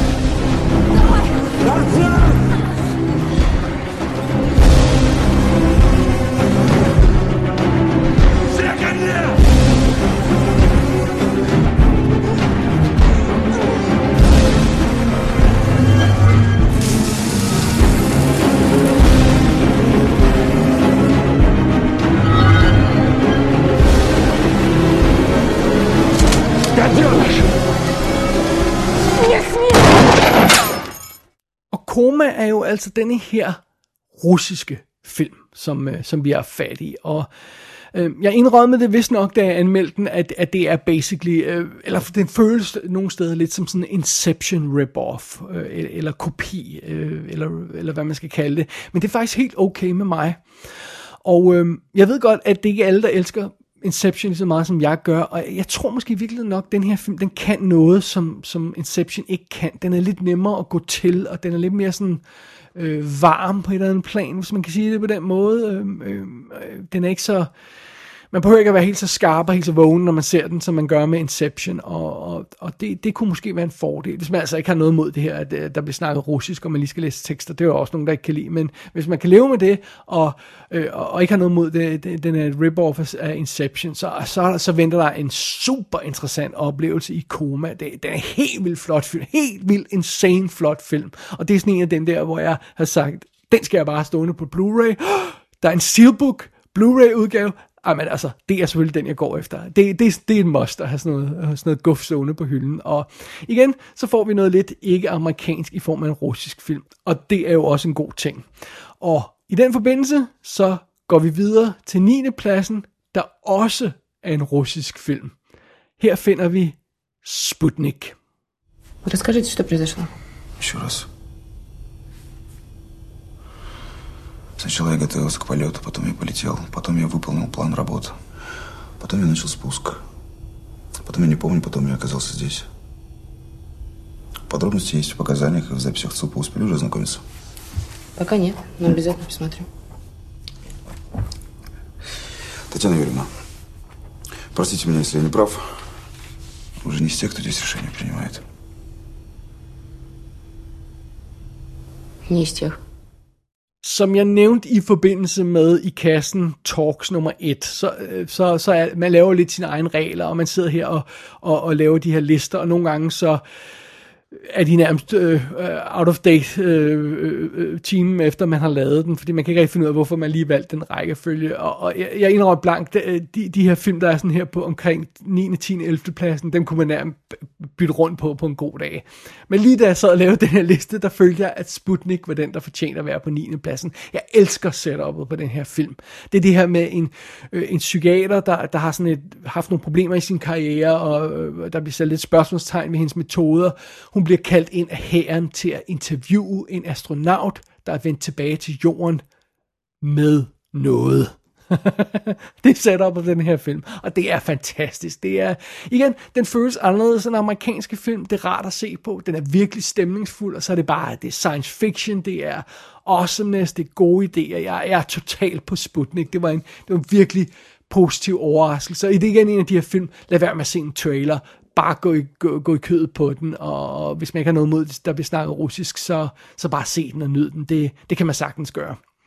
Så ja, nu havde vi sådan tre, øh, måske lidt useriøse film der i, i, i ræd række, men, øh, men det går nok alt sammen, fordi jeg tror, vi har en virkelig classy film her på 8. pladsen. Eller det har vi, det kan jeg konstatere.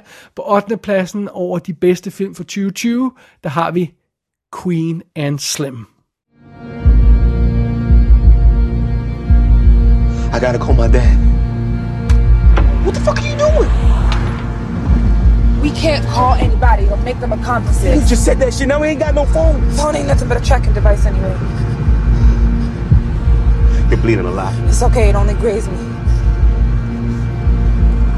Fuck! Why didn't you stay in the car? So this is my fault? If I didn't get out the car, you would be dead right now. We gotta get you to a hospital. No! We can't. Just keep driving.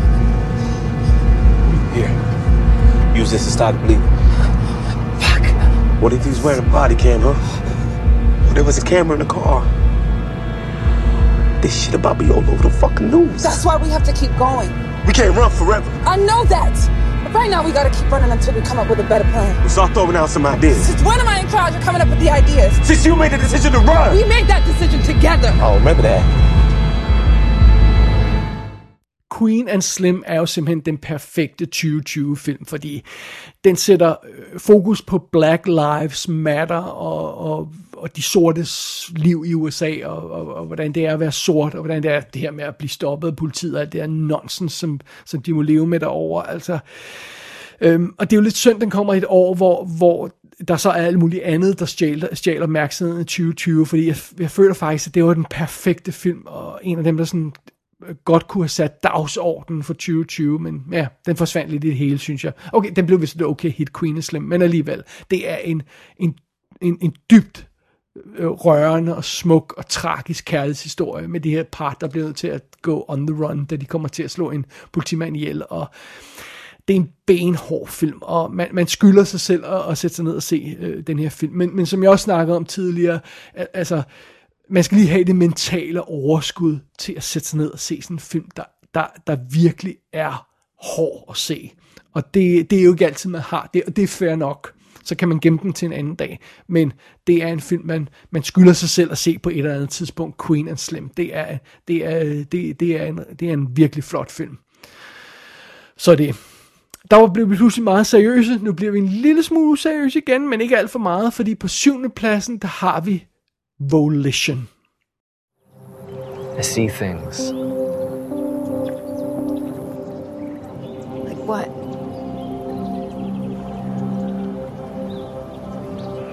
Things that haven't happened yet. Snippets or visions or whatever.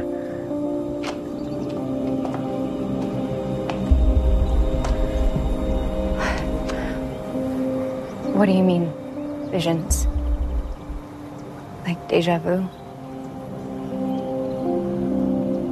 It's more fragmented than that. I see I see pieces. Happen when they happen. They always come true. What did you see? I saw a gun firing and a bullet hitting me in the chest. Det her er endnu en high concept film. En mand kan se ind i fremtiden og ser sin egen død. Jamen, allerede der er jeg jo på. Øh, men øh, det viser sig hurtigt, at Volition kunne noget mere end bare det. Og jeg blev nødt til at, da jeg anmeldte den her i kassen, der blev jeg til at lave, lave sådan en lille spoiler-anmeldelse, og, og lave en spoiler-del af anmeldelsen, for at kunne snakke ordentligt om nogle af tingene og sådan noget. Det gør jeg ikke her. Øh, så, så derfor vil jeg bare sige, hvis man ikke har set den og ikke kender noget til den, så bare se den her film, og så nyd den ride, man kommer ud på, fordi den har nogle S'er op i ærmet, den her film, Volition. Den er den er andet og mere, end den giver sig ud til at være fra start. Og øh, den, øh, den gjorde stort indtryk. Det er endnu en af de her film, jeg, øh, jeg skal have på, på Blu-ray. Jeg har ikke fået den købt endnu. Jeg, du kan ikke huske, om den er ude. Den er vist ude, eller også er den på vej. Under omstændigheder, den skal jeg i hvert fald have. Den skal jeg gense, den skal jeg nyde igen. Det glæder jeg mig allerede til nu. Det er jo godt tegn, når man glæder sig til at, til at, til at øh, gense en film, hver gang man bare snakker en lille smule om den. Så, så kan den et eller andet. Det kan Volition på syvende pladsen. Det bringer os videre til 6. pladsen, og her finder vi måske en lille smule overraskende en film, vi også har snakket om her i kassen tidligere, 1917. You have a brother, a lieutenant in the second Devons. Yes, sir. Joseph Blake, is he? Alive, as far as I know. And with your help, I'd like to keep it that way. Sardis tells me you're good with maps, is that true? Good enough, sir. So, we are here. The second Devons are advancing here. How long will it take you to get there? I don't understand, sir. Sir, that land is held by the Germans. Germans have gone. Don't get your hopes up. It appears to be a strategic withdrawal. They seem to have created a new line nine miles back here, by the looks of it. Colonel Mackenzie is in command of the second. He sent word yesterday morning he was going after the retreating Germans. He is convinced he has them on the run. That if he can break their lines now, he will turn the tide. He is wrong. Hvis man husker tilbage på min anmeldelse af 1917 i starten af 2020, så, øhm, så var jeg en lille smule hård ved den, og, og, og, og måske var jeg også lidt for hård, da jeg anmeldte den. Øhm, jeg synes egentlig stadigvæk, at mine pointer står ved magt Øh, øh, som jeg øh, øh, kom med i den anmeldelse. Men ved gensyn, og nu har jeg set den tre gange, så kan jeg meget bedre lide filmen, og det er også derfor, den er kravlet så højt op på listen 1917. Fidusen med den her film er, den vil rent faktisk ikke så meget. Den har ikke så forfærdeligt meget på hjertet, og den vil ikke fortælle os om de historiske perspektiver i Første Verdenskrig. Hovedattraktionen i 1917 er det her øh, teknisk imponerende one-shot stunt Altså, det ser ud som om hele filmen er lavet i et skud, og den foregår nærmest i real time. Og, og, og det er en virkelig overlegen, visuel, øh, imponerende film. Og hvis man har tid til det, så skylder man sig at sætte sig ned og så høre kommentarsporet. Der er to kommentarspor på, på øh, hvis man har en danske Blu-ray, er der vist ikke noget på i, i vanlig stil. Men hvis man har en engelske, tror jeg, der er. Der er to kommentarspor på. Et af instruktøren Sam Mendes, og et med fotografen Roger Deakins. Og begge de kommentarspor er virkelig værd at høre på. Øh, øh Sam Mendes snakker de konceptidéerne igennem på kommentarsporet og, og fortæller om sine beslutninger og alt muligt andet, halløjsa. Og Roger Deakins snakker alle de tekniske detaljer igennem. Her er et klip, sådan skød vi den her sekvens, bla bla bla, sådan noget. Sammen så er de her to kommentarspor simpelthen film school in a box. Så hvis man har øh, 1917 stående i en rigtig udgave og har de her to kommentarspor på, så er det værd at høre dem. Og øh, Ja, jeg elsker allerede de her øh, film med historier om øh, missioner bag, farlige missioner, og missioner bag findes linjer, og om det så er første, anden verdenskrig, eller hvad det nu er. Det, det er alt sammen cool at se på, og, og den her film med sin tekniske stil er, er virkelig overlegen. Så ja, som jeg nævnte, den kravler højere op på listen, end jeg egentlig havde troet, og det er altså takket være to gensyn med den, og... Øh, sådan er det. Den kravlede højere op på listen, end jeg havde regnet med den her film 1917, og det gør den næste film også på, eller det gjorde den næste film også, den er allerede deroppe. Øh, på femtepladsen over de bedste film, jeg så i 2020, har vi 21 Bridges. Just so you know, they leave behind four wives, one fiance, six kids, three of my god kids. Now I'm gonna go wake them up in the middle of the night, let them know their lives are shattered. You know the drill. Look, I just, I fucking refuse to allow these families to be traumatized even more with fucking trials and appeals and horseshit narratives, parole hearings for fuck three, four decades. I'm asking you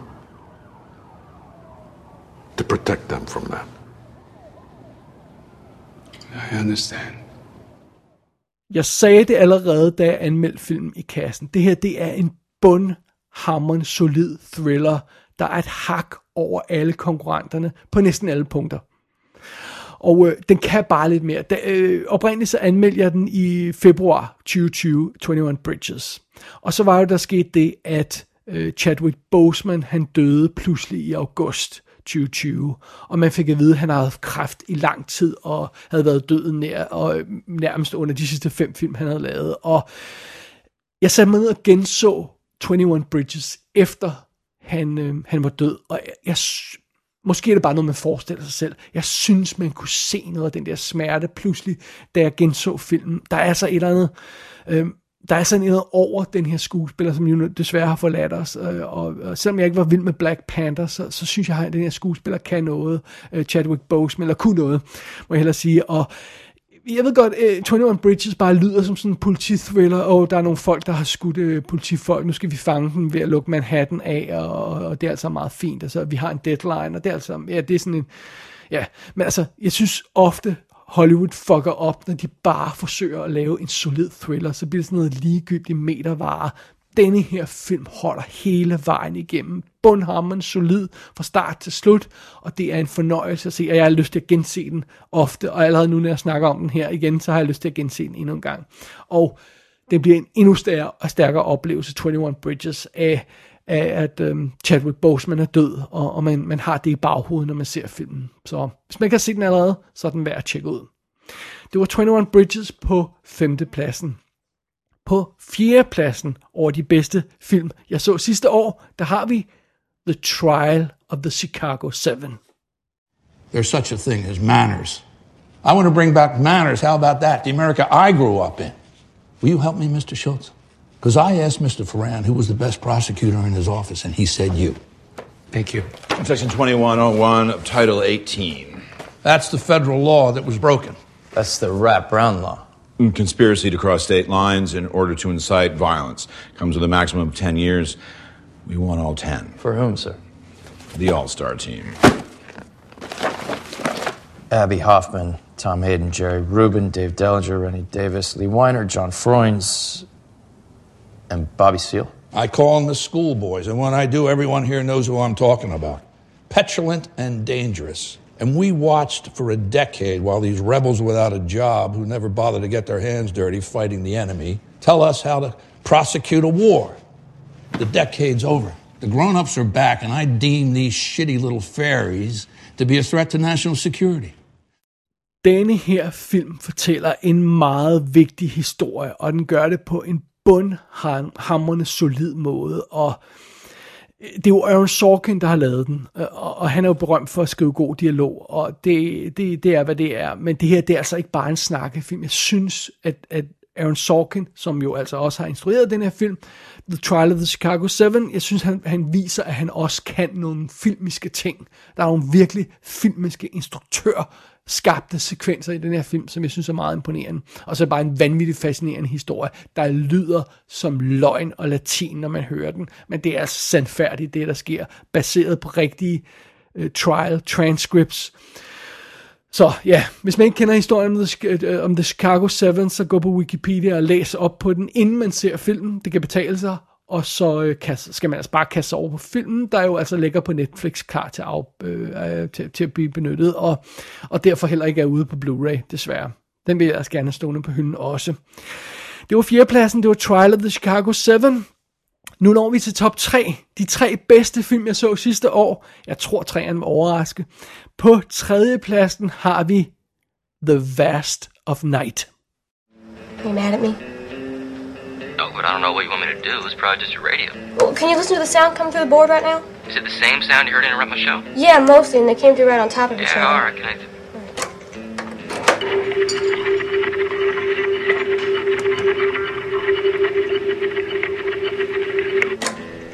I've never heard that before. Yeah, other. all right, then this lady called. She said there was something going on out of town, and she was going down to her cellar, and then that sound came through on her line. Then I called Ethel because she's babysitting Maddie, and her line got cut. And did you say my show got cut into? Right at the beginning of the news. Alright, well, I didn't hear it in my headphones, but it's closed circuit in this room, so if it went out from the station, it'll be recorded on playback. So you stay on the line while I rewind it and play it back, and I'll let you know if I hear anything. Okay. This is VOTW Radio in Cayuga, New Mexico, and this is the news for the hour. Boeing has introduced its new line of. That was it. That was it. Whoa, what? That was it. It came through just like that. I'll be. What? Why is it bad? That's a good question. Ja, men dog, denne her film, den overraskede mig virkelig. Og det var en af den der slags film, hvor jeg sag, sagde til mig selv, efter jeg havde anmeldt den, så sagde jeg til mig selv, jeg bliver simpelthen nødt til lige at se den igen, for at være helt sikker på, at- hvad, hvad jeg mener om den. Så jeg står ved min mening her. Det er ikke bare baseret på en enkelt viewing. Uh, The Vast of Night uh, er lidt svær i starten. Den mindede mig lidt om, om Too Late. Hvis man husker min anmeldelse af Too Late, så, så nævnte jeg, at jeg havde lyst til at slukke for den film efter øh, sådan cirka 20 minutter. Men den endte med at være den, den bedste film, jeg så i, i, var det 2016, tror jeg det var. så så den, den kræver en lille tålmodighed, uh, The Vast of Night, når den kommer i gang. Og øh, man skal lige justere sig ind på dens tempo og dens stil. Øh, nogle gange så ville det være rart at have sådan en lille øh, øh, notebook, øh, om jeg så må sige, til hvordan man skal se en film, inden man går i gang med at se den. Det kunne denne her film faktisk godt, øh, øh, kunne godt gavne The Vast of Night. For man skal lige skyde sig ind på, hvordan det er, den fortæller sin historie. Den gør det på en lidt spøjs måde. Men når det falder i hak, så venter der altså en fuldstændig overlegen lille film. Øh, øh det, det, og det er jo første gang instruktør, der har lavet den, Andrew Patterson, og den er så lækker skruet sammen, så øh, Øhm, selvbevidst, om jeg så må sige. Altså, det, det, det, det er en cool, moody lille film, der, det, er det er jo sådan et slags øhm, øh, X-Files møder American Graffiti, tror jeg, jeg kaldte den på et tidspunkt, og det er altså sådan en UFO-historie i 50'erne, og det virker virkelig godt. The Vast of Night er værd at tjekke ud, men det er altså sådan en film, der kræver lidt tålmodighed, kræver, at man slukker alt lyset, kræver, at man sætter sig ned og ser den på en ordentlig skærm, og den ligger jo øvrigt på Amazon Prime, det er Amazon, der købte den, så, så den kan ses via dem, også her, hvis man har, altså fra Danmark, helt øh, legitimt, om man så må sige, så, så det er fint nok. Værd at tjekke ud, men øh, giv den en ordentlig chance. Så det overraskede mig lidt, at det var min tredje plads det her, men øh, det overraskede mig endnu mere, den film, jeg, øh, jeg, jeg har på anden pladsen. Hvis jeg nu lige venter med at sige titlen, og så bare spiller et lydklip. You got something. Not gonna like it. You want to crash a plane. But not from the air. Not so dramatic. I, I would have run a jet off the taxiway, breached a real wall, and start a fire. Well, how big a plane? Well, that part is a little dramatic. This is me here. This team will work the plane. There can't be passengers. Norse Crete. They use the hangar on the west side of the Freeport. You want to crash a transport plane? What about the crew? Whoa, pop the slides, chuck them off. On the move. What's the problem? They'll be fine. Well, it seems bold. Bold, I'm fine with. I thought you were gonna say nuts. Det er Tenant. Tenet er på anden pladsen. Wait a minute, var jeg ikke super mega kritisk over for den her Chris Nolan film? Jo, det var jeg. Øh, og, og jeg står ved den kritik, jeg havde på filmen. Altså, øh, øh, det har ikke ændret sig.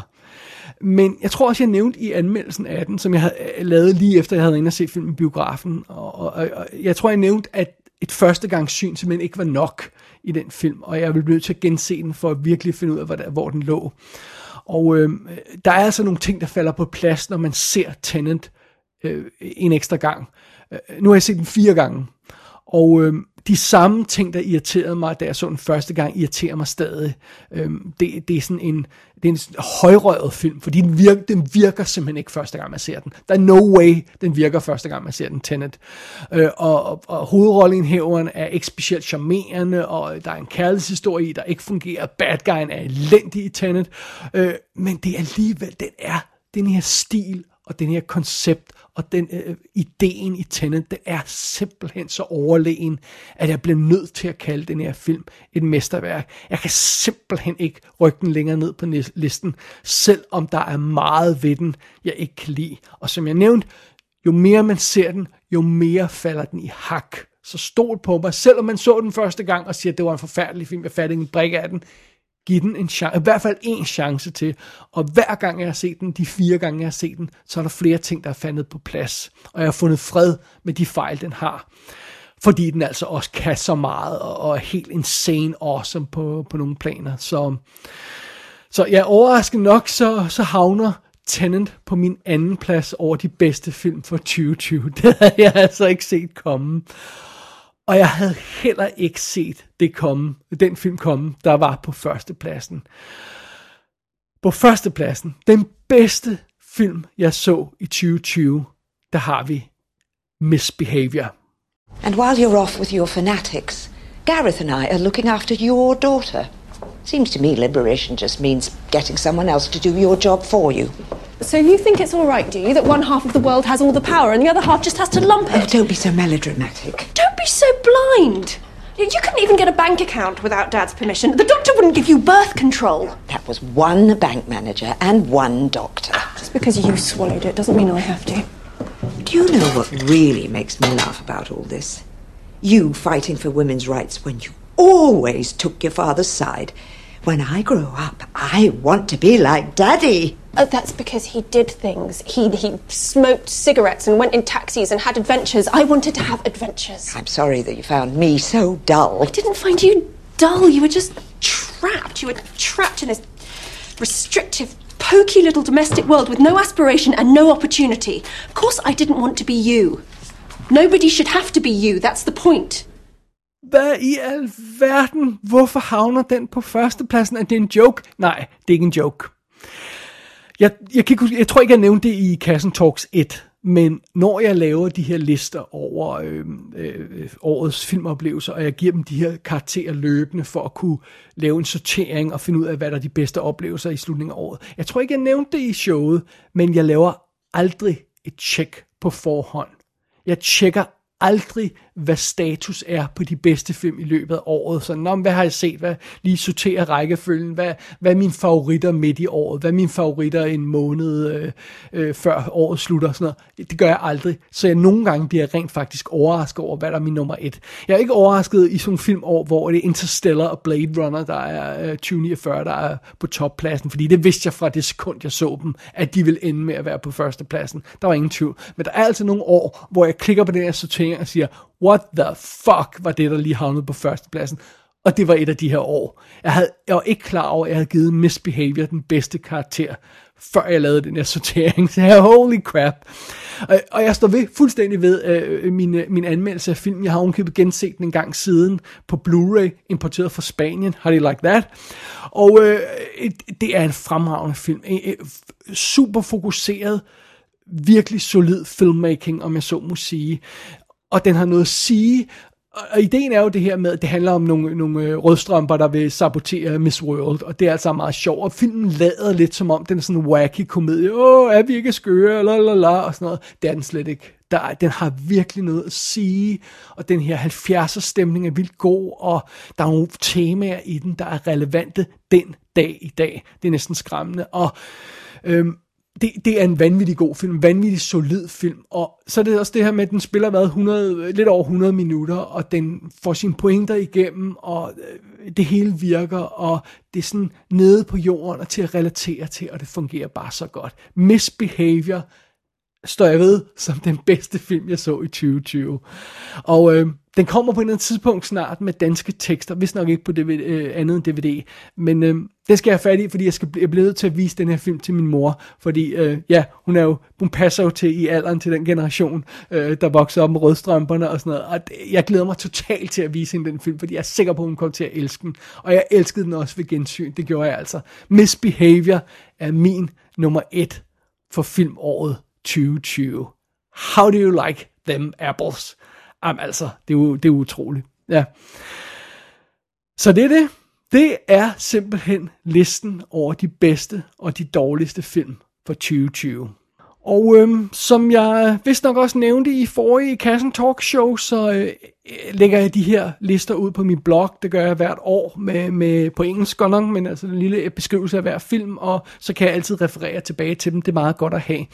Men øhm, jeg har ikke offentliggjort de her lister andre steder end på bloggen indtil videre, så, øh, så, øhm, så øhm, eller kommer til at gøre det andre steder, så, så, det, så det, der, man, det er der, man skal, man skal lige tjekke rækkefølgen igen, eller også skal man lytte til hele det her program igennem en gang til, men man skal være tilgivet, hvis man ikke lige har lyst til det. For ja, sådan er det. Og øh, det betyder altså, at nu kan vi lægge 2020 øh, filmåret i graven i i hvert fald i en vis sammenhæng, i, i personlig sammenhæng, i forbindelse med de film, vi har set sidste år. For, øhm, for, for, for, ja, nu kommer der jo så ikke flere film, man så i 2020, men, øhm, men øh, ja, grundet at Oscar er rykket til april, så er filmåret 2020 reelt ikke slut før april, når, når de priser bliver uddelt, og, og det er alt sammen øh, meget kompliceret, men, øh, men, men på et personligt plan, der er filmåret 2020 lagt i graven nu. Do you read me? The list is in the open! Ah uh, ja, så kan vi kigge mod fremtiden. Vi nåede igennem de her 40 film, 40 film på, på top-bottom listerne. Det var, det var en lidt mundfuld, det må jeg indrømme, men uh, well, what are you gonna do? Uh, det er sjovt ved det hele er, jeg har allerede set en film i år, som i 2021, som med garanti kommer til at havne på toplisten. Det, det glæder jeg mig til, uh, når, når den tid kommer, men uh, der, der, er, der er noget tid til. Um, så det var slut på, på I Kassen Talks episode 2, volume 2, hvad man ender med at kalde det. Um, jeg ved ikke rigtig, når næste I Kassen Talks show kommer, og jeg, jeg ved ikke rigtig, hvad det kommer til at handle om, fordi nu skal jeg lige have en lille break efter det her. Jeg har skrevet øh, øh, en kæmpe lang blog, to kæmpe lange blogge til, øh, og, og, og så lavede det her show og sådan noget. Så nu, nu skal jeg lige have en pause. Nu kommer der bare almindelig anmeldelse lige et stykke tid, men på et eller andet tidspunkt, så kommer der en i kassen Talks 3. Og øh, ja, hvis du har nogle forslag til, hvad det kunne handle om, så send en øh, besked til mig, øh, davidbjerg.gmail.com, eller gå ind på øh, ikassenshow.dk, og, og så brug den kontaktformular, der er, hvor man kan sende mig en besked, øh, ja, hvis man har nogle idéer til det. Sådan er det det var det. Det var anden episode af I Kassen Talks. Vi høres ved i det almindelige show en gang i fremtiden, og øh, ja, det var vel ordene. Mit navn er David Bjerre, og jeg har kun én ting tilbage at sige. I'm drunk, wasted, and I'm high. You know, pills, weed, you name it, man, I'm on it.